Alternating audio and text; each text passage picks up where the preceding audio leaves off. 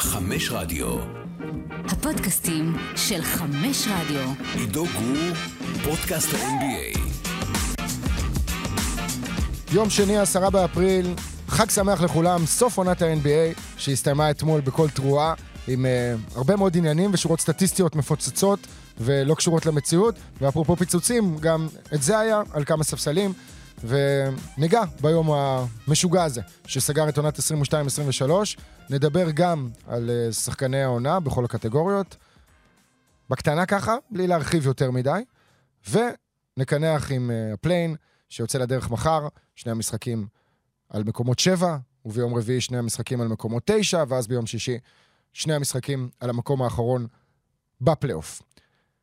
זה רק אני פה, לא הייתי כמה שבועות, שוב, עמכם הסליחה, נעלה קצב עכשיו. כשהפלייאוף יוצא לדרך ויש כדורסל אמיתי, מעניין, ולא קרקס של עונה סדירה, שאני אישית מאוד אוהב אותו. אני רואה הרבה אנשים שיוצאים על ה-NBA בשנה הזאת בכלל, בשנים האחרונות, כאילו יש איזושהי תחרות בין ה-NBA ליורוליג. כל מיני ציוצים, גם פרימו, שאני אוהב אותו מאוד, ראיתי איזה ציוץ שלו, שמשחק אחד של מכבי תל אביב נגד ג'לגיריס לא שווה אלף משחקי NBA, אה, ועוד כל מיני דברים של אנשים שמטנפים על הליגה הזאת ועל ה score הגבוה ועל זה שאין הגנות, ומה יש לכם? כאילו, די, תשחררו, למה צריך להשוות הכל? אם אתם נהנים מהיורוליג, תהנו מהיורוליג. למה צריך כל הזמן להגיד במקביל שהיורוליג הרבה יותר טובה מה-NBA? לא, זה לא נכון, היורוליג ממש לא יותר, יותר טובה מה-NBA, ונראה לי שזאת הפעם האלף כבר שאני אומר את זה, אבל זה משחק אחר, עם חוקים אחרים. ברגע ששחקן בכדורסל העולמי, יורוליג, אירופה, whatever, הכל, שחקן הגנה, יכול להישאר בתוך הצבע מעל לשלוש שניות, הוא יכול להחנות שם לכל ההתקפה, זה משנה לגמרי את המשחק. אין מה לעשות, ובגלל זה ב-NBA ההגנות פחות טובות, כי אין איזשהו מישהו שתקוע שם באמצע ועוצר כל התקפה. כי הסנטרים צריכים לצאת החוצה, עזבו את זה שרוב הסנטרים שם מרווחים וזורקים שלשות, ומוציאים גם את השחקנים ששומרים אליהם החוצה, אבל מעבר לזה כן, ברור שהעונה הסדירה לפעמים היא בלאגן ואין הגנות, וזה לא uh, מנותק לגמרי, הביקורות הקטנות האלה, אבל כל פעם ההשוואות ליורוליג, היורוליג ככה, היורוליג אחרת. אני לא ראיתי את המשחק של ז'גירס נגד מכבי תל אביב, אבל אנשים אחרים שראו, דיברו אחרת, על איכות הכדורסל. Uh, סטיתי קצת לנושא שכבר uh, דשתי בו בעבר, וכנראה שאני אדוש בו שוב, סתם כי יש אנשים שפשוט מתעקשים לעשות את ההשוואה הזאת, ודרך זה להוריד את ה-NBA. כאילו אפשר להוריד בכלל את ה-NBA. כאילו זה כדורסל דומה באיזושהי צורה, ויכולות של שחקנים חופפות או משהו כזה. בכל מקרה, בואו נדבר על uh, הלילה האחרון, בעונה, בליגה הטובה ביותר. לא יודע אם בעונה הטובה ביותר, אבל לפני שנדבר על הלילה האחרון, בעצם איזה כמה... Uh, נעשה זום אאוט, נסתכל על המספרים היוצא דופן של העונה הזאת. קודם כל, אף קבוצה לא הגיעה ל-60 ניצחונות העונה. משהו שלא קרה מאז 2001. בכל עונה יש איזושהי קבוצה שמגיעה ל-60, אנחנו זוכרים שבשנים האלה גם היה את גולדן סטייט אפילו שעשתה 73 ניצחונות. אה, עוד נתון מעניין, אף קבוצה מטקסס לא הגיעה לפלייאוף לראשונה מאז 1981. אנחנו יודעים שלסן אנטוניו היה רצף של 22 שנים, שכבר אה, נעצר, אבל דאלאס הייתה שם בשנים האחרונות, ולפני זה הייתה שם יוסטון, עוד לפני שדאלאס נכנסה לליגה, ואין קבוצה מטקסס, שלוש הקבוצות יהיו בלוטרי, אנחנו נדבר על דאלאס ועל האכזבה העצומה uh, של הפרנצ'ז הזה בהזדמנות אחרת, אבל לא היום, יש הרבה על מה לדבר. Uh, סימני שאלה תמידיים סביב קיירי ארווין, וסביב הקבוצות שבהן הוא משחק, אבל זה כבר יגיע, הסיפור עם דאלאס. אה, עוד נתון מעניין, 114.3 נקודות בממוצע לקבוצה. הסקור הכי גבוה אי פעם של הליגה. יש לנו 203 משחקים, 202 משחקים, ששחקנים כלו בהם 40 נקודות, כולל עוד איזה אחד שהצטרף לסיפור אתמול, ונציין את השם שלו ממש בקרוב. בקיצור, הליגה התקפית, והיא מאוזנת, זה מה שאנחנו לומדים גם מהתוצאות האלה של uh, המאזנים הסופיים, שאף קבוצה לא מגיעה ל-60 ניצחונות. ועכשיו בואו נדבר על הלילה המופרע של אתמול. ונתחיל עם כמה כותרות, שרק אה, יעשו סדר עד כמה הלילה הזה היה משוגע. פייטון פריצ'ארד מבוסטון, עם טריפל דאבל של 30 נקודות, עושה שיא קריירה של 30 נקודות, 14 ריבאונדים, 11 אסיסטים, תשע שלשות. ועוד כל מיני שיאי קריירה. מק מקלנג, אלוף ההטבעות של האולסטאר, ששיחק אתמול עם פילי נגד ברוקלין, כלה 20 נקודות, מסר תשעה אסיסטים, הוריד תשעה ריבאונדים. קמרון תומאס של ברוקלין, זה כבר לא משהו חדש. פתח בחמישייה, כי כולם כמעט היו בחוץ, וכלה 46 נקודות. יש לו ממוצע של 39 נקודות כשהוא פותח בחמישייה. הכי גבוה מבין שחקנים שעשו את זה לפחות ארבע פעמים. והוא עשה את זה חמש פעמים, והיה לו רצף של שלושה משחקים עם מעל ל-40. אתמול היה רחוק סל אחד משיא הקריירה החדש שהוא רצה להשיג, והיה לו רבע שלם לעשות את זה, אבל איכשהו זה לא קרה בסוף. ועדיין, משחק מרשים מאוד של קאם תומאס. אפרופו קאם תומאס וברוקלין, מיקל ברידג'ס, אתמול, עולה לשחק לארבע שניות, עושה עבירה, ולא חוזר. יורד לספסל ולא חוזר. למה? כדי להמשיך את רצף המשחקים שלו, לא פספס משחק אחד מאז שנכנס ל-NBA, האמת שזה לא קרה מאז שהוא היה בכיתה ג' בערך, אבל ב-NBA זה מה שנחשב, ונראה אם הוא יצליח לאיים מתישהו על השיא של אייסי גרין, שעומד על 1,090 משחקים, משהו כזה, אם אני זוכר במדויק, 1,091 אולי. אה, עדיין, סיפור. מיקל ברידג'ס, נזכיר כמובן שכשהוא עבר בטרייד מפיניקס לברוקלין, ברוקלין שיחקה פחות משחקים ממה שפיניקס שיחקה, אז בגלל זה הוא מספיק לשחק 83 משחקים, והוא השחקן הראשון שעושה את זה גם מזה 20 שנים. אה, עוד נתון מדהים, יודונס אסלם, אתמול, במשחק האחרון שלו בקריירה, עם 24 נקודות, שלוש משבע מחוץ לקשת. עד אתמול, ב-20 שנה, אסלם כלה שש שלשות לכל אורך הקריירה. ואתמול הוא שם שלוש כאלה, זאת אומרת חצי ממה שהוא עשה עד עכשיו, והייתה אווירה מיוחדת. ואיזה כיף המשחקים האחרונים של שחקנים משמעותיים במיאמי. מחזיר אתכם אחורה לעונת 2018-2019, דוויין וייד במיאמי, עם עונת הפרישה שלו, אחרי שעשה כמה סיבובים, היה בקליבלנד, היה בשיקגו, ואז חזר להיפרד אה, מהמקום שהוא הכי מזוהה איתו, המקום היחיד שהוא באמת יכול להגדיר כבית, חוץ מאתם יודעים מה, אולי שיקגו, כי שם הוא גדל ושיחק בתיכון וכולי. הפסיד בברוקלין בחוץ, אבל עשה טריפל דאבל במשחק האחרון שלו. לברון ג'יימס וכרמלו אנטוני היו שם, את הקטע הזה עם כרמלו שכמעט לקח זריקה, זה היה בתקופה שמלו היה מחוץ לליגה וכולם רצו לראות אותו חוזר, זו אותה תקופה עכשיו, ובן אדם עדיין לא פרש, מדהים שאף אחד לא משתמש ביכולות שלו. אה, קריס פול היה שם, אני לא זוכר, אולי היה במשחק באותו זמן. קיצר, אה, ייצוג אה, רציני ל banana boat. וגם כמובן פט ריילי ואריק ספולסטרה וכל האנשים ה... באמת אגדיים שמלווים את המועדון הזה בתפקידים כאלה ואחרים, אם זה אלונזו מורנינג, ג'ואן האווארד לדעתי עוד היה אז במיאמי, עוזר מאמן לפני שהוא עבר למישיגן. אז אתמול ראינו את אותן דמויות, בלי ג'ואן האווארד, ראינו את אלונזו מורנינג ואת פט ריילי ואת uh, ספולסטר מן הסתם עומד על הקווים, ואת יודונס אסלם, uh, סליחה, את uh, דוויין וייד עם גופייה של יודונס אסלם, ואת גבריאל יוניון, אשתו, בת זוגו, ליד, וכולם מריעים וכולם שמחים, ואסלם אפילו דפק אליו. היה רגע באמת מיוחד ומגניב. Uh, עוד מספר, 21 נקודות ו-19 כדורים חוזרים לדומיניק ברלו. תודו שאף אחד מכם לא הכיר את השם הזה לפני, דומיניק ברלו, נכון? זאת אומרת, בהקשר של uh, אה, NBA, אולי יש פה איזה עכברי קולג'ים, למרות ש... לא, זה גם קולג'ים, אין. זה... הוא לא שיחק בקולג'. דומיניק ברלו שיחק ב Team Overtime, שזה הארגון החדש שמייצר לשחקנים מסגרת שכך הם יכולים לצאת מהתיכון וישר להרוויח שכר בקבוצה ולא ללכת לקולג'. אה, הוא לא נבחר בדראפט של 2022, הוא רוקי, והוא שיחק איזה 28 משחקים במדי סן אנטוניו העונה, אבל ממש דקות מעוטות. אתמול הוא עשה 21-19. אפרופו מספרים, תיאו פינסון, שחקן שאון אנ אוף בליגה כבר כמה שנים טובות, רשם אתמול טריפל דאבל. כן, כן, טריפל דאבל לתיאו פינסון, שחקנה של דאלאס. עבר בכמה קבוצות במהלך הקריירה שלו. ברוקלין, ניו יורק, דאלאס זאת הקבוצה השנייה. בסך הכל 127 משחקים בקריירה. ואתמול, דאלאס עם הרבע הראשון הכי גרוע בהיסטוריה שלה. עם פיגור 42-14, זה 28 הפרש. היא הפסידה בסוף 138-117, פינסון עם 23 נקודות, 13 כדורים חוזרים ו-12 אסיסטים. קנת לופטון ג'וניור. אמרתי שיש עוד שחקן שעשה 40 נקודות העונה, ונדבר עליו, אז הנה, זה האיש. קני לופטון ג'וניור. רק שנייה, אני צריך לקנח את האף. קשה לעשות פודקאסט לבד. sorry, כן. אה, בקיצור, קני לופטון ג'וניור רשם אתמול שיא franchise לנקודות ל rookie.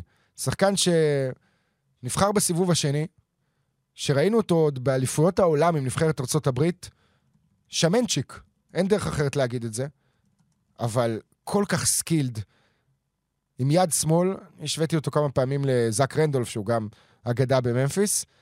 סליחה, הוא לא נבחר בסיבוב השני, הוא לא נבחר בדראפט, הוא היה שנתיים בלואיזיאנה טק, אה, אבל הוא כן היה rookie השנה בג'י ליג, וקיבל חוזה מובטח בממפיס, ואתמול עשה את מה שהוא עשה. אז אלה חלק מהמספרים המשוגעים של הלילה האחרון ב-NBA, ויש עוד כמה כאלה. ומצד אחד זה קרקס, ומצד שני, ואין באמת לחץ, הגנות, משחקים לא חשובים והכול, אבל זה רק מראה לכם את עומק הכישרון והיכולות שיש בליגה הזאת. ואם שחקנים מקבלים הזדמנויות, הם יכולים לתת מספרים. גם אם זה במשחקים כאלה, אה, כן, אם שחקן עושה את זה בעונה הסדירה, אז מסתכלים על זה אחרת. בוא נגיד שאף אחד לא מתרשם מהטריפל דאבל של טיו פינסון אתמול, ברצף של מספרים משוגעים, כמו אלה שציינתי עכשיו. אבל אם זה היה מגיע בצורה מבודדת באמצע העונה, אז כולם היו מדברים על תיאו פינסון שעושה טריפל דאבל, בגלל זה גם לאבדיה היה את המשחק הזה בתחילת העונה נגד מיאמי, שהיה חסר לו ריבאונד אחד לטריפל דאבל, שאפשר להגיד גם שבסטטיסטיקה לקחו לו אותו, ואם הוא היה משיג אותו אז, היו מדברים עליו אחרת. אם דני היה משחק אתמול והיה עושה טריפל דאבל, אף אחד לא היה באמת מתרגש מזה. ואפרופו להתרגש, בואו נעבור מעבר למספרים אה, ולנתונים המטורפים. לא ציינתי את גולדן סטייט, שאתמול קלעה 157 נקודות, 55 ברבע הראשון, זה שיא נקודות ל-NBA ברבע ראשון. עשתה 25, 6 שלשות, משהו כזה, שלוש פחות משיא כל הזמנים, ופשוט פירקה. אה, את פורטלנד בהתעללות, לא שחשבנו שיקרה איזשהו משהו אחר, הווריורס היו צריכים להבטיח מקום בפלייאוף, והם הבטיחו את המקום השישי ונמנעו מה play-in, ויפגשו את סקרמנטו כבר ביום שבת, בשעה 12 לדעתי, אחת בלילה, כאן אצלנו. אבל uh, הסיפור, מעבר למספרים של אתמול, הוא כמובן מינסוטה. מינסוטה פגשה את ניו אורלינס למשחק שאפשר להגדיר אותו כמשחק על כל הקופה בצורה מסוימת.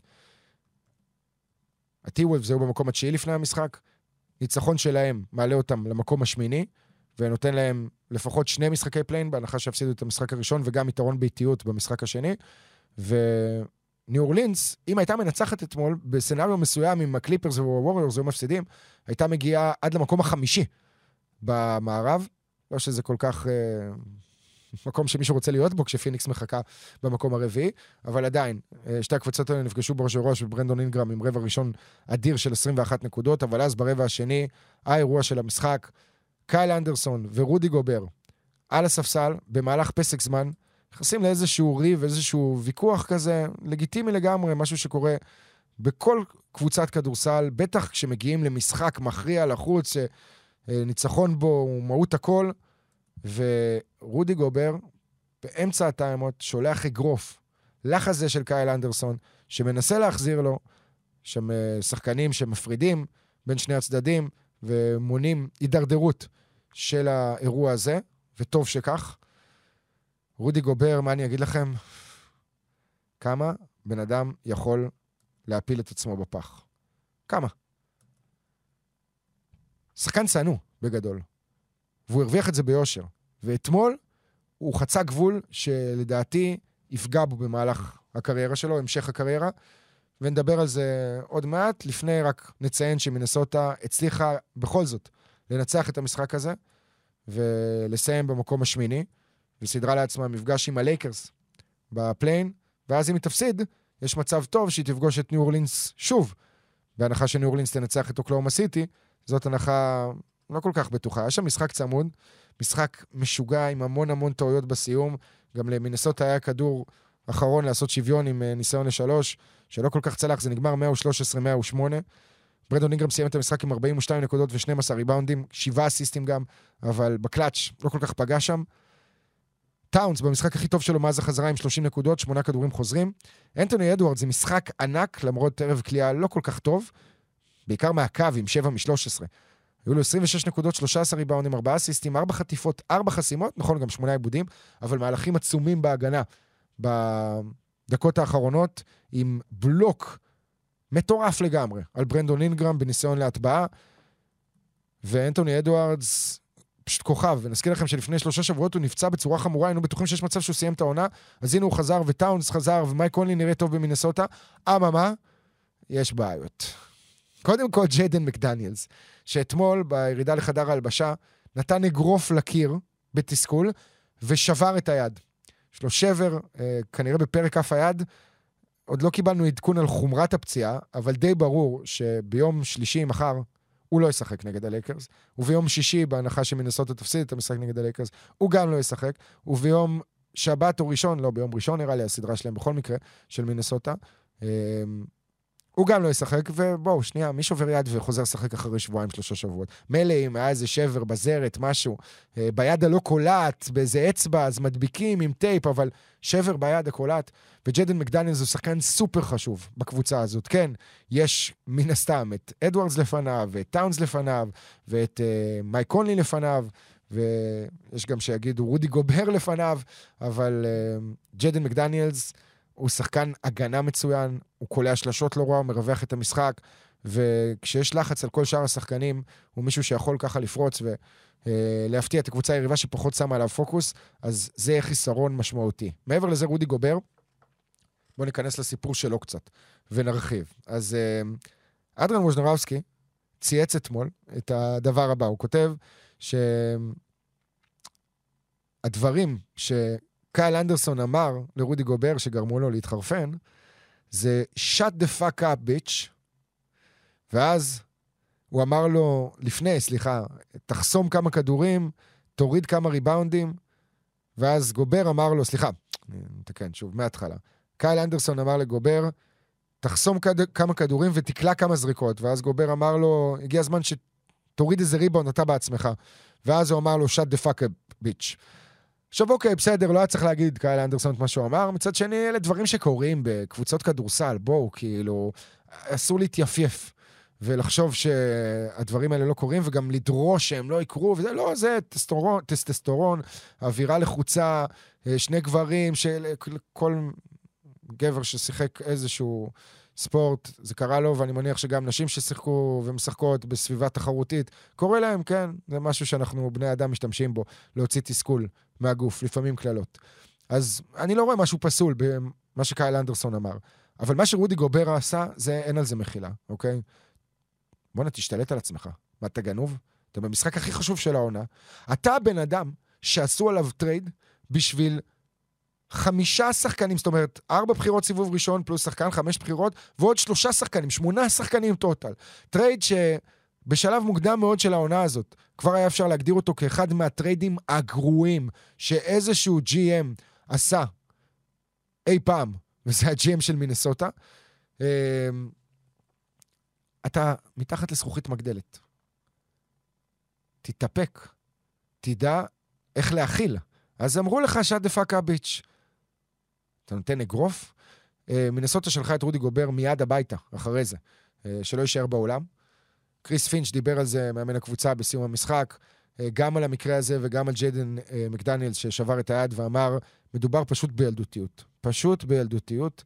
ואלה שחקנים בוגרים, רודי גובר זה שנה עשירית שלו בליגה, אלה ג'יידן מקדניאלס זו שנה שלישית בליגה, שחקן צעיר יחסית, אבל רודי גובר, באמת, אחרי כל מה שעבר, לדעתי, עשה לעצמו נזק עצום. כן, הוא ממשיך לעשות uh, חוזים של מיליונים, והוא יעשה את הכסף הזה עוד שלוש שנים, אבל uh, אני לא רואה קבוצות אחרות שקופצות עליו, ואני לא רואה את מינסוטה משאירה אותו. למרות שהוא כביכול השחקן היותר גדול מקייל אנדרסון, אבל בפועל אנחנו רואים שהוא לא תורם ולא עושה יותר מדי, וזו פשוט הייתה אכזבה, אכזבה גדולה, לראות את גובר מתנהג ככה. יפה מאוד שמנסוטה הצליחה להרים את עצמה ולנצח את המשחק למרות זאת, והתעלמה מכל ה...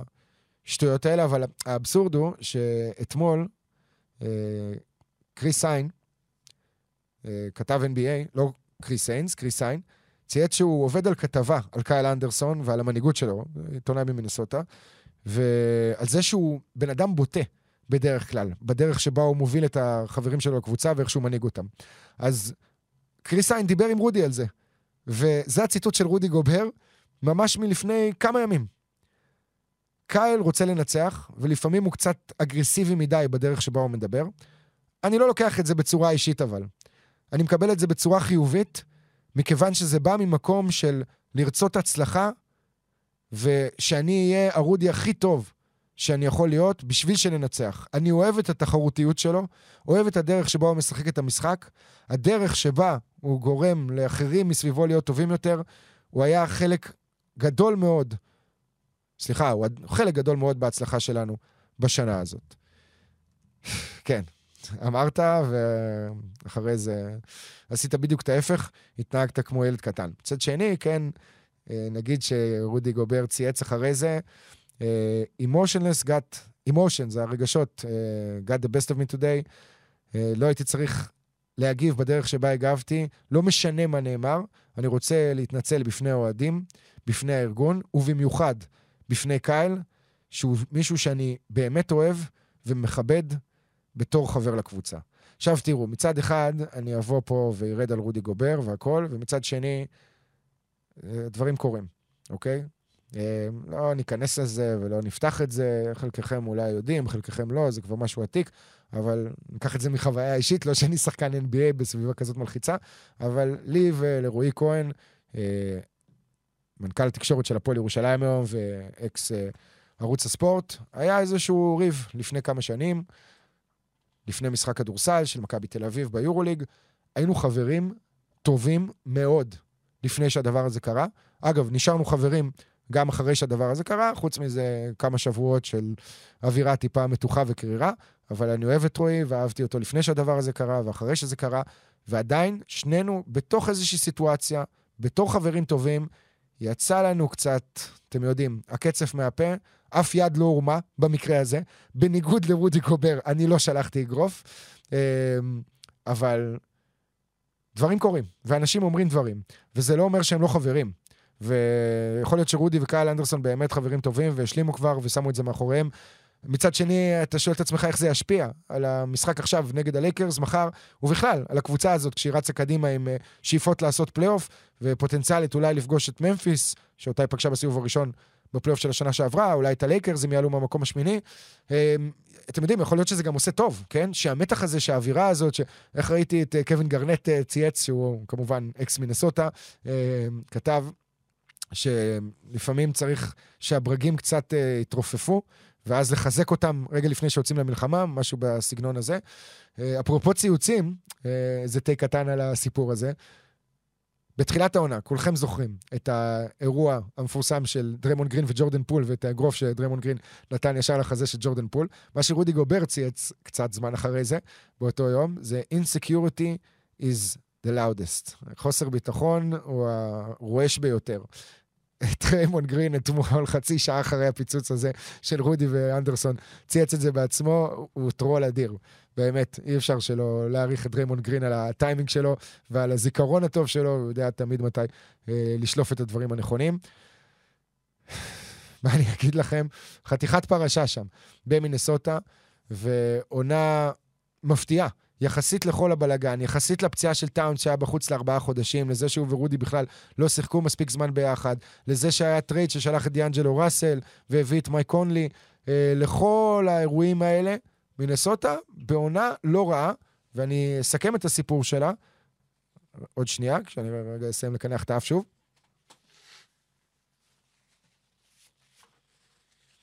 הייתי אומר לכם ש... יחתכו את זה בעריכה, אבל לא יודע, ארד פה, אני לא רוצה להעמיס עליו יותר מדי, הבן אדם עובד קשה ועושה כל כך הרבה פודקאסטים, אז uh, תזרמו איתנו. Um, כן, מינסוטה, עכשיו איבדתי את חוט המחשבה שלי, אתם מבינים? לא הייתי צריך לקנח את האף. ארד, אתה זוכר על מה דיברתי? אין מי שיציל אותי. זה הבעיה בלהקליט פודקאסט לבד. ועכשיו זה גם לא בלייב, אז אין אף אחד שיכול לשלוח לי איזה הודעה. בכל מקרה, דיברנו על מינסוטה, אה, אה, נזכרתי. הבאתי את עצמי לשם. אנטוני אדוארדס, אמ, תראו, אנטוני אדוארדס נכנס לליגה בתור סופרסטאר שכולם דיברו עליו כעל בחירה ראשונה, אבל הייתה בעיה מסוימת עם האופי שלו, חשבו שהוא star כזה, שהוא יותר מדי עושה צחוקים ו- ו- ושטויות, ולא מספיק רציני, ובכלל רוצה לשחק פוטבול ו whatever. הוא הוכיח עד עכשיו שלא רק שהוא מתאים לליגה הזאת, הוא אחד השחקנים הכי גדולים בליגה הזאת. זאת אומרת, מבחינת העתיד, לא עכשיו, עדיין לא. למרות שהוא היה אולסטר השנה. נכון? היה אולסטר. זיכרוני מטעה אותי. רגע, נבדוק את זה. לא משנה, בכל מקרה, שורה תחתונה, אנטוני אדוארדס בריא, אוקיי? הוא בריא, הוא משחק המון, הוא משחק באינטנסיביות מטורפת, הוא שחקן של שני הצדדים. אמ,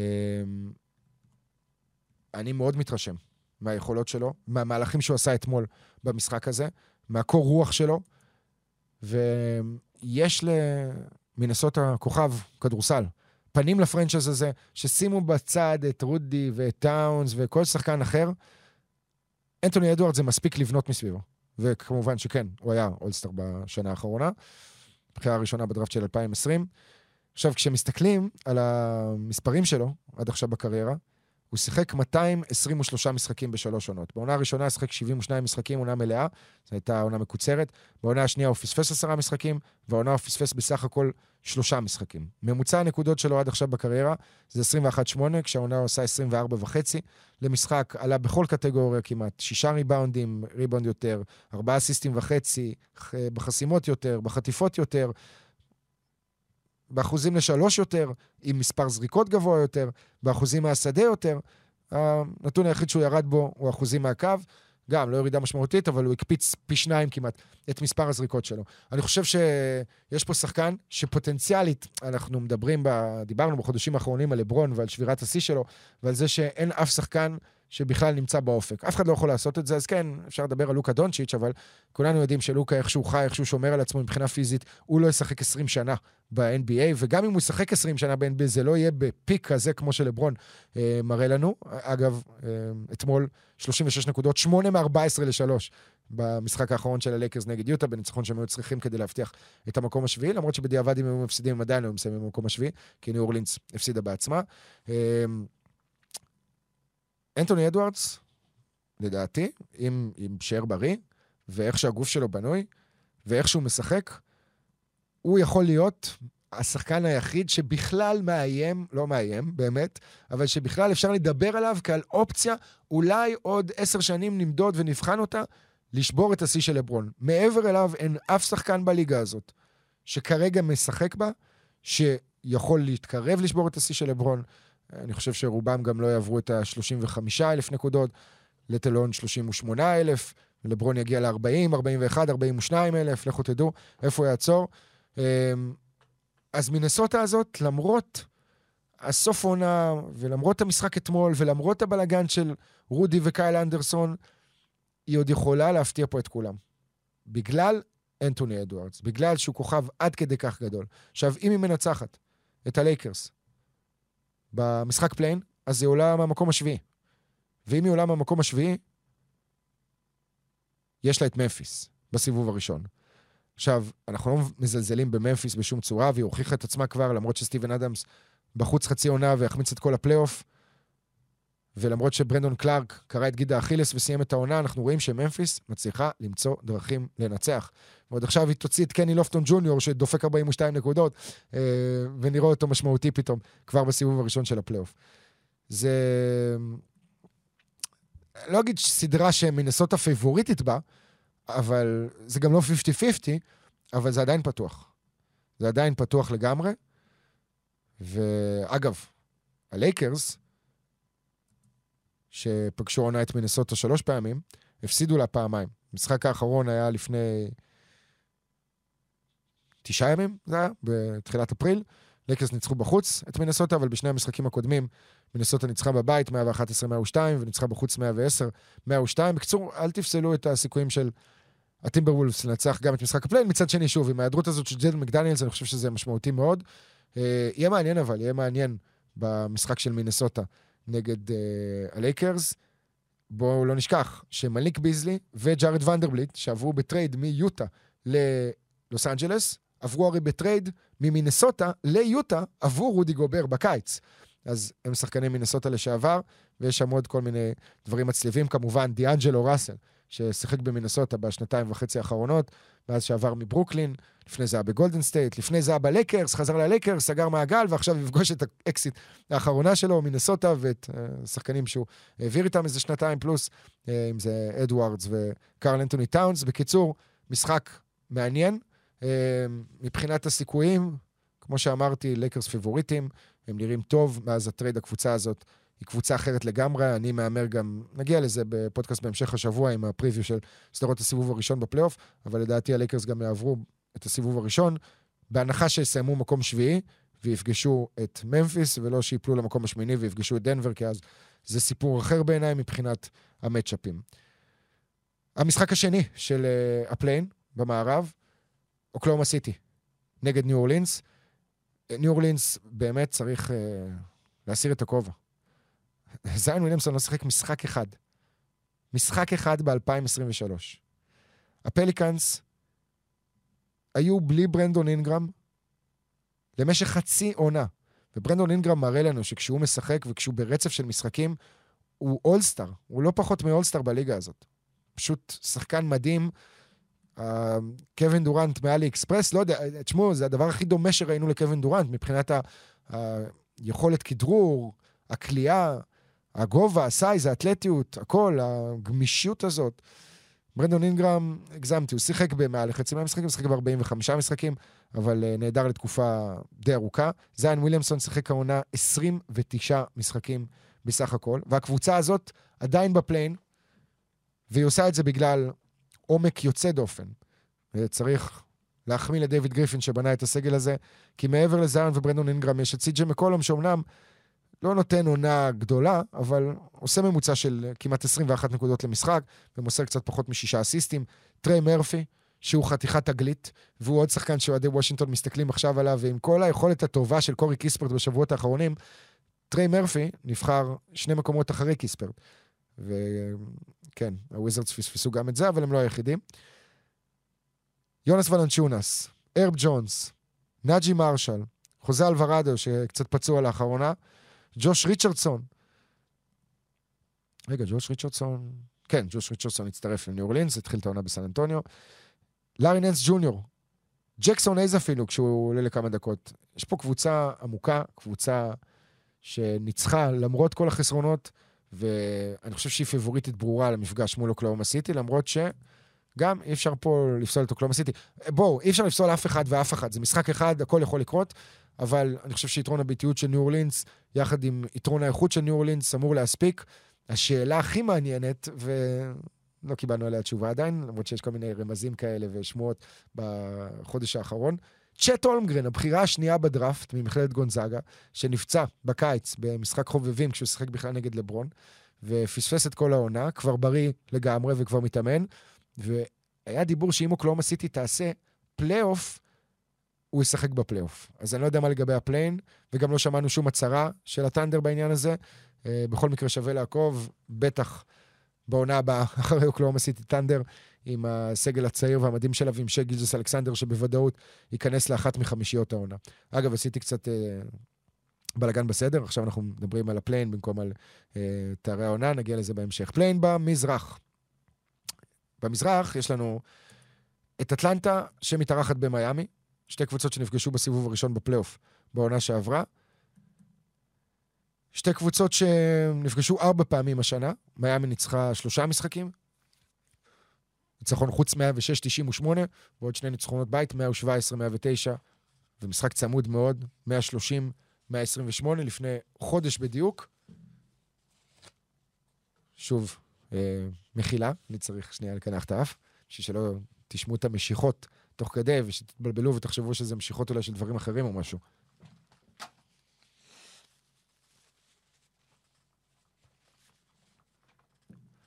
טוב, אטלנטה מגיעה לסדרה הזאת במצב מאוד מאוד מבולבל. נזכיר שבשנה שעברה היא עשתה פליי-אין, למרות שסיימה במקום התשיעי, ולא היה לה את יתרון הביתיות במשחק השני, אבל קווין סניידר הגיע באמצע העונה אחרי הפסקת האולסטאר, לא ממש הצליח להוכיח את עצמו, אפילו הפסיד את המשחק הראשון לוושינגטון ולווס אנסלד ג'וניור אה, בבית, שזה חתיכת דבר. אה, טרי יאנג, ראשון בליגה במספר אסיסטים כולל, מהמובילים בנקודות, הוא גם, הוא משחק הרבה. טרי יאנג כמעט ולא מפספס משחקים. בממוצע אסיסטים הוא שני, אחרי ג'יימס הארדן. אבל הקבוצה הזאת, נכון, היא עשתה גמר מזרח לפני שנתיים, והפסידה למילווקי בשישה משחקים, ונתנה שם fight יפה, אבל משהו חסר שם, וזה בצורה מסוימת מזכיר את מה שקורה בוושינגטון. זאת אומרת, יש איזושהי בעיה בגרעין, ומנסים לעשות שינויים מסביב. אז אטלנטה הביאה את דז'ון תמרי, בקיץ האחרון, שהיה אמור להיות חיזוק משמעותי מאוד ולייצר קו אחורי מהטובים בליגה יחד עם טרי יאנג, רק שהדבר הזה לא בא לידי ביטוי. והאוקס עם 41 ניצחונות ו-41 הפסדים. ודז'ונטה מארי התחיל חזק מאוד, אבל קצת ירד בקצב לא כל כך מרשים לאחרונה, וגם לא היה טוב במשחקים נגד מיאמי. ג'ון קולינס, קלינט קפלה, טרי יאנג, דיאנדרה האנטר, אז הביאו את דז'ונטה מארי. עכשיו, למה אמרתי מזכיר את וושינגטון? כי בוושינגטון יש את ברדלי ביל, שהוא כביכול הטרי יאנג של הוויזארדס, והביאו לו את קוזמה. זה לא הלך, עם uh, אה, KCP ומונטרז הארל ומי uh, שלא היה שם, ואז הביאו את פורזינגיס, ואת דינווידי שהגיע וזה, ואז הביאו את פורזינגיס, uh, וגם זה לא הולך, אז אולי צריכים לחשוב על בנייה מחדש, או לעשות טריידים על שחקנים אחרים בשביל לחזק את הכוכב שלך או להקיף אותו בשחקנים שיותר מתאימים לו. למרות שעל פניו קלינט קפלה אמור להתאים טוב מאוד לטרי יאנג, אני דווקא חושב שעדיף לו איזה שחקן שהוא לא קופץ לאליופים, כי יש את ג'ון קולינס, אלא חמש שמרווח את המשחק וזורק שלשות, ופותח קצת את הצבע ומאפשר יותר חדירות לטריי יאנג, יותר drive and kick, יותר שלשות פנויות לשחקני אטלנטה. לא משנה, אנחנו לא נדוש עכשיו בכל הסיפור של האוקס ומה הם צריכים לעשות ואיך הם צריכים להשתפר. בשורה התחתונה, משהו לא מתחבר שם, אה, ויכול להיות שזה טריאן, יכול להיות שהוא לא שחקן שיכול להוביל קבוצה, אה, קבוצה שמחפשת תואר, קבוצה שרוצה להתקדם רחוק בפלייאוף, למרות שהוא עשה את זה מדהים בשנה ההיא שאטלנטה הגיעה לגמר המזרח. מיאמי היא אכזבת העונה, ומצד שני, הסוס השחור של הפלייאוף. קבוצה שאתה לא רוצה לקבל, עם סגל עמוס בניסיון וביכולות ובהצלחה מוכחת. בטח עכשיו שגם קאי לאורי קצת חוזר לעניינים, למרות שבמיאמי יורדים עליו נונסטופ, הוא לא עומד בהבטחה שלו כשהוא הגיע לקבוצה, גם לא מבחינת השמירה על כושר ועל משקל ודברים מהסוג הזה, אבל עדיין, אדבאיו. ו... וטיילר הירו שמסיים את העונה במקום הראשון באחוזים מהעונשין, שאגב עשה איזה טריפל דאבל בניצחון האחרון של מיאמי על אטלנטה, טריפל דאבל הראשון שלו בקריירה עם 11 ריבאונדים, 10 אסיסטים ורק 11 נקודות ב-3 מ-13 מהשדה. ותוסיפו את קייל לאורי, ואתם על זה שמים את יודוניס האסלם, סתם, יודוניס האסלם כנראה לא ישחק בפלייאוף, אבל את כל הספסל הבאמת מרשים, שקיבל המון הזדמנויות והמון דקות בשנתיים האחרונות, אם זה גייב וינסנט, ואם זה מקס סטרוס, ואם זה קיילב מרטין, ואפילו הייווד הייסמית', ושחקני טולי, G League, two-way, כמו ג'מאל קיין, יש הרבה שחקנים לשלוף שם, אה, ולתת להם דקות. דוויין דדמון, נראה לי ששכח... אה, ויקטור אולדיפו, כמובן. שכחתי את אולדיפו, למרות שאולדיפו אחד משלוש... משלושת השחקנים הכי לא יעילים בהתקפה ב-NBA. פלייאוף זה סיפור אחר, הוא יהיה אפילו פחות טוב. עומק, כישרון, ניסיון, אבל גם קצת מבוגרים. ושוב, זאת אותה קבוצה ששנה שעברה סיימה מקום ראשון במזרח. אז uh, השנה ציפינו לראות אותה באותם אזורים. זה לא קרה בסופו של דבר. אבל בפלייאוף זה סיפור אחר לגמרי. ואתם זוכרים שבפלייאוף בבועה, אמנם זה היה בתנאים אחרים, בלי קהל וכולי, ומיאמי הצליחה להגיע עד הגמר, אבל היא פגשה שם את מילווקי בחצי גמר המזרח ועשתה לה sweep, נכון? שהבקס ניצחו שם בסוף איזשהו משחק אחד. אה, כן, זה נגמר 4-1, יאניס הזה היה פצוע בסדרה הזאת.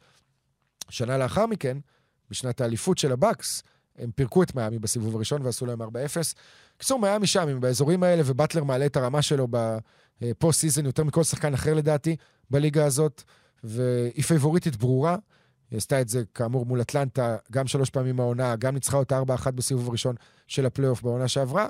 אטלנטה תארח, לדעתי, את המשחק השני של הפליי-אין. שם קשה לדעת את מי תפגוש, טורונטו או שיקגו. טורונטו מארחת את אה, שיקגו, שתי קבוצות שחלקו את התוצאות ביניהן בעונה הסדירה, שני ניצחונות לכל אחת. סליחה, לא, לא, הם שיחקו רק אה, שלושה משחקים בעצם, לא באותו אה, מחוז, באותו בית. אז אה, טורונטו ניצחה שניים, 113, 104 ו-104, 98, ושיקגו ניצחה את המשחק הביתי היחיד שלה, 111, 97. מבחינת מצ'אפים, אמ, כאילו טורונטו יותר טובה, יש לה יתרון בכמה עמדות. מצד שני, כשמסתכלים על שיקגו, יש לה שלושה אולסטרים.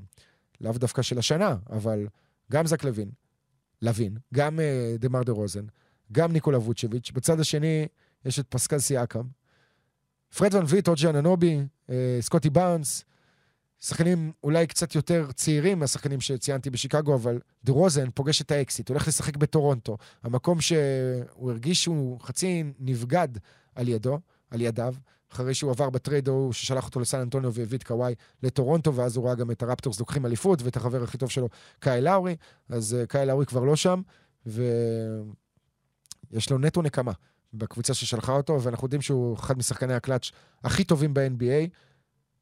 בוא נגיד שהשנה יש תואר חדש, לשחקן הקלאץ' הכי טוב ב-NBA. אם היה כזה שנה שעברה, אז אה, דמאר דה רוזן היה מקבל אותו. השנה זה די ברור שזה דיארון פוקס, יש לו הכי הרבה נקודות בדקות הקלאץ' ובאחוזים גבוהים מאוד, והוא גם עושה את זה בצורה מאוד מאוד מרשימה.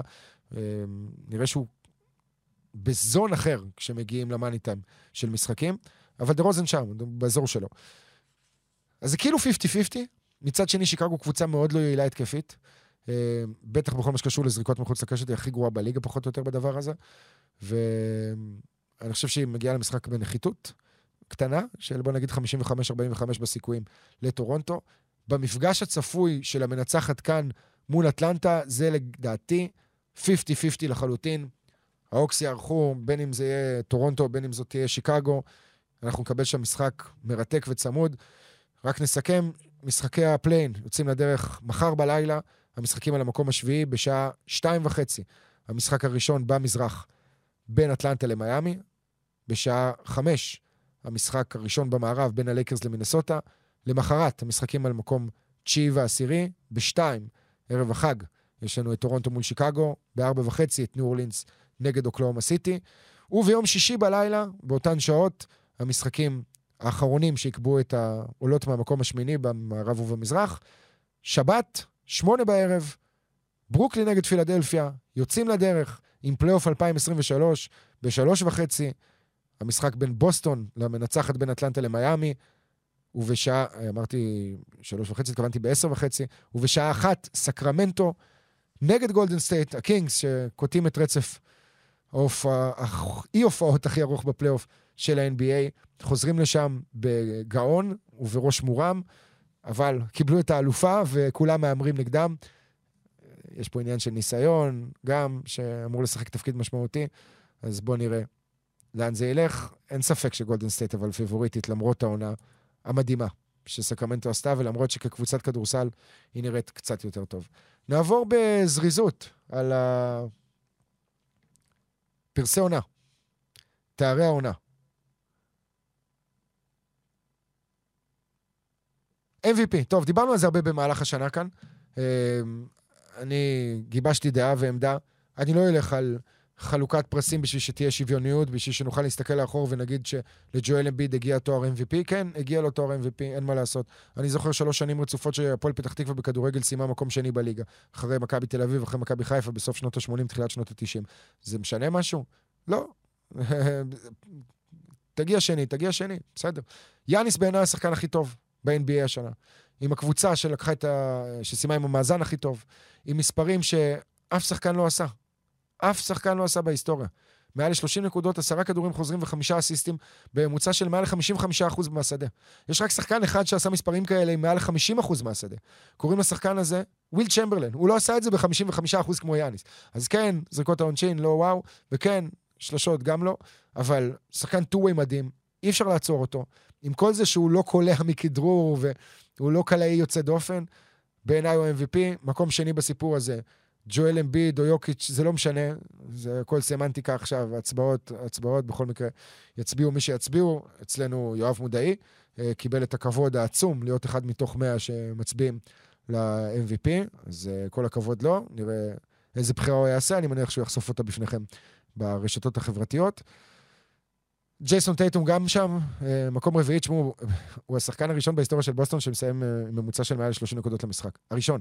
והוא השווה את שיא כל הזמנים של אה, משחקי 30 נקודות בעונה אחת, שיא של ארי ברד. והוא גם עושה את הדברים בשני צידי המגרש, והוא מוביל את הליגה בנקודות, ריבאונדים ואסיסטים מצטבר.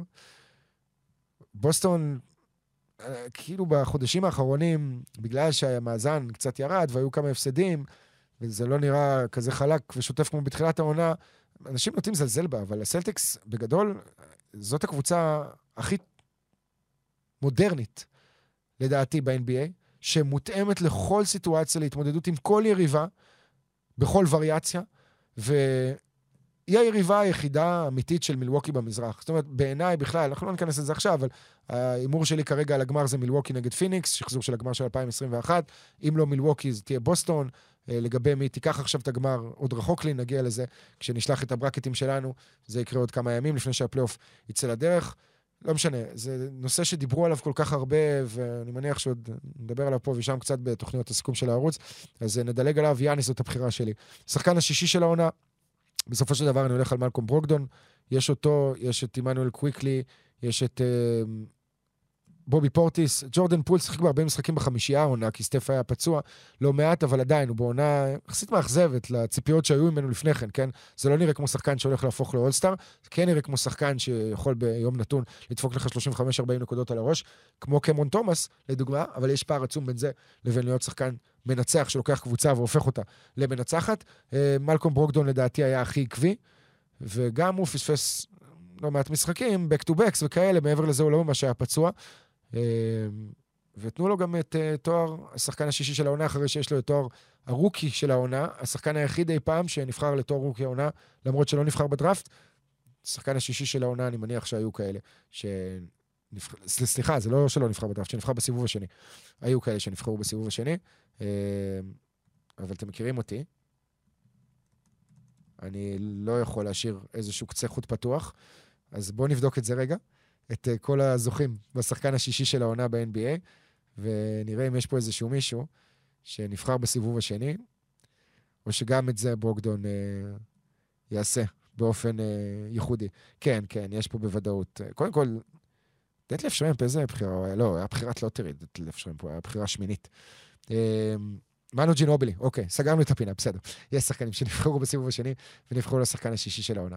שחקן ההגנה של העונה, אחרי שמרקוס סמארט זכה בשנה שעברה, אני לא חושב שיש הרבה גארדים שאפשר בכלל להזכיר אותם. שנה שעברה זה היה בינו לבין מיקל ברידג'ס פחות או יותר. הגארד היחיד שאפשר לדבר עליו בהקשר הזה זה אלכס קרוסו, שבאמת נותן עונה הגנתית מדהימה, והיכולת שלו לשמור על מובילי כדור ולשגע אותם ולעשות להם full court press, זה דבר שראוי להערכה ושווה הרבה דקות במשחקי פלייאוף משמעותיים, גם אם הוא לא שחקן התקפה כל כך טוב, אבל עדיין, ג'ארן ג'קסון ג'וניור מוביל את הליגה בבלוקים עם שלוש חסימות, אה, אחד מ top deflectioners בליגה. הבעיה היחידה שלו זה הפאולים, הוא עושה יותר מדי עבירות, הוא גם פספס את תחילת העונה, אז שיחק פחות משחקים, אבל זה מגיע לו והוא יקבל את זה. אה, אלא אם העיתונאים ילכו על ברוק לופז, שגם לא מגיע, יהיה פה קרב צמוד בין שני השחקנים האלה. ועוד שחקן ששווה לציין, שלא מקבל ממש פוקוס, הוא אבן מובלי. אבן מובלי אה, עם קליבלנד, שסיימה את העונה עם ההגנה הטובה ביותר בליגה מבחינת ממוצע הספיגה ו defensive rating, 106.9 נקודות למשחק, זה מה שהקאבס ספגו. כשהבאה בתור זאת מיאמי עם כמעט 110, זאת אומרת פער של שלוש נקודות, שזה פער גדול מאוד. שחקן הקלט של העונה, התואר החדש הזה שדיברנו עליו, אה, כבר חילקתי אותו לדיארון פוקס.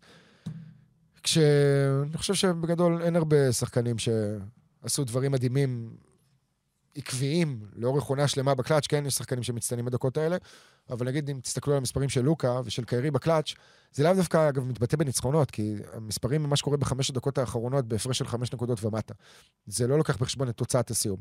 אז אם הקבוצה שלך הייתה בפלוס חמש או מינוס חמש, ושחקן מסוים כלה 16 נקודות בחמש הדקות האחרונות, בשמונה משמונה מהשדה, והקבוצה הפסידה, אז זה לא באמת מוריד את הנקודות ואת המספרי קלאץ' שלו. ואין פה איזושהי כוכבית ליד הסיפור הזה, אבל מגיע לדיארון פוקס לזכות בפרס. וזהו, אמרתי, נעבור לפרסים ממש ממש במהירות, אז היה לנו את ה-MVP, שחקן ההגנה של העונה, השחקן השישי של העונה, אה, שחקן המשתפר. שחקן המשתפר לא ציינתי.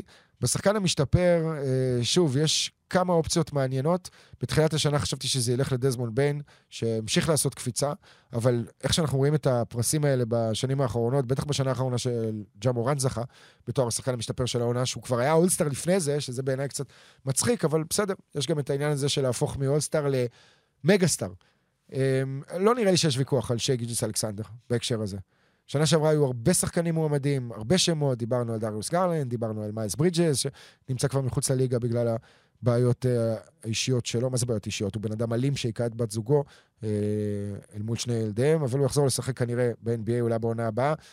אם שרלוט תחתים אותו על חוזה, הוא יקבל את העונש מהליגה, יהיה בחוץ איזה 50 משחקים, ואז יחזור מתי שיחזור.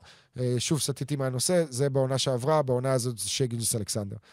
אה, אני לא באמת רואה שחקנים שמאיימים על הזכייה הזאת של SGA.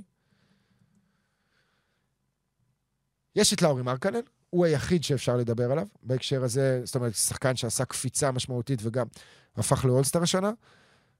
לאורי מרקנן, ההבדל אבל בינו לבין שי גילג'ס אלכסנדר, שהוא שינה לגמרי אה, קבוצה, סיטואציה, במקום להיות שחקן בקליבלנד לצד דריוס גרלנד ועוד כל מיני שחקנים כמו אבן מובלי וג'ארט אלן שמשקיעים בפיתוח שלהם, הוא עבר ליוטה, שם הכל עליו מההתחלה, וזה בא עוד אחרי יורובאסקט מצוין שלו. וזה לא שזה מוריד ממנו, כן? הוא עדיין, לדעתי, יהיה מקום שני, אולי אפילו מקום ראשון בבחירה הזאת. אה, בכל מקרה, אלה שני השחקנים המובילים והיחידים. אה, ותואר אחרון, rookie העונה, פאולו בנקרו, נעול, סגור, הולך להיות שחקן מוביל בליגה הזאת ואולסטאר הרבה מאוד שנים. שחקן ורסטילי, קולע גם מבחוץ, מוביל כדור, מוריד ריבאונדים, שומר יחסית לא רע לעונת הבכורה שלו בליגה. ה size זה כבר size של גבר בן 30, ו... אורלנדו יכולה להיות מרוצה מאוד מהעונה הזאת ומהעתיד שלה, בזכות אנשים כמו פאולו בנקרו, כמובן שיש עוד שני rookies נוספים שצריך לציין. אה, ג'יילן וויליאמס, הבחירה ה-12 בדראפט, שעשה את הקפיצה שלו בחצי השני של העונה, אבל עשה חתיכת קפיצה, היו לו איזה שישה משחקים רצופים שהוא לא ירד מ-24 נקודות, והוא ניצח משחקים עם איזה סל אה, רגע לפני ה buzzer, ונראה כמו מנהיג.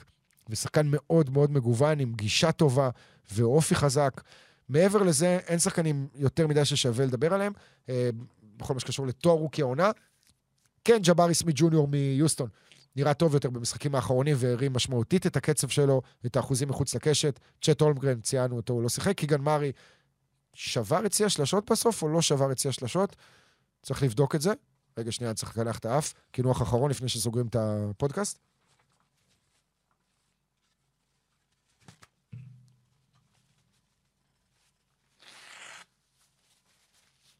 צריכים מוזיקת רקע, משהו בפעם הבאה, שאני במגלת מצונן. אמ, קיגן מרי כמעט שבר אצלי השלושות, או שאולי כן, אני אבדוק את זה בהמשך. אה, או שתבדקו את זה, גם אתם יכולים לבדוק, תשללו את גוגל, הוא עונה מצוין. ג'יידן אייבי, בן מטורין, שני שחקנים שראינו מהם ניצוצות, בן מטורין בתחילת השנה, חשבנו שאולי הוא ייבחר אפילו שחקן השישי של העונה. שדון שרפ, הבחירה השביעית של פורטלנד. ג'רמי סואן פה ושם, היו איזה כמה רגעים. ג'יילן דורן היה נחמד, הוא צ'איה באג'י, הבחירה ה-14 של קליבלנד שעבר בטרייד ההוא אה, ליוטה, ששלח דונובין מיטשל לצד השני. גם עם אה, משחקים טובים שיא קריירה במשחק הלפני האחרון של יוטה, בניצחון שלה על דנבר. מרק וויליאמס, הרוקי של דיוק, שמשחק בשאלות וקיבל מקום בחמישייה מאז שמסון פלאמי נמצא, אה, סליחה, עבר בטרייד. ג'י גריפין מאטלנטה, כלה שני סלי ניצחון. טארי איסון מיוסטון, ששיחק 82 משחקים מלאים. יש, יש פה כמה שמות. ווקר קסלר, ששכחתי לציין את השם שלו. אמ, ווקר קסלר בעונה שמביכה עוד יותר את ה general manager, שעשה את הטעות הזאת, שלא לנקוב בשמו, ונתן את uh, חמש בחירות הדראפט שלו, כולל את זאת של העונה שעברה, ווקר קסלר, שנראה שחקן יותר טוב מרודי גובר כבר עכשיו, בשלב הזה של הקריירה שלו. Uh, היו עוד כמה שחקנים נחמדים, דויד רודי מממפיס שמקבל הרבה הזדמנויות. זה לא מחזור כזה רע, אבל עדיין, אף אחד פה לא הצליח להתבלט כמו השלושה שציינתי, בנקרו, ווקר קסלר וג'לן וויליאמס. זהו, זמן לסיים את uh, פודקאסט הקינוחים, אפשר לקרוא לו ככה, ואנחנו נהיה פה שוב ביום חמישי לסקור את הסדרות של הפלייאוף ולהתכונן לדבר האמיתי, שיוצא לדרך סוף סוף בשעה טובה, כבר החל ממחר בלילה, משחקי הפליי-אין. כדורסל חשוב, כדורסל משנה, ואנחנו מחכים לזה שנה שלמה. תודה שהאזנתם וסבלתם את uh, קינוחי האף. יאללה ביי.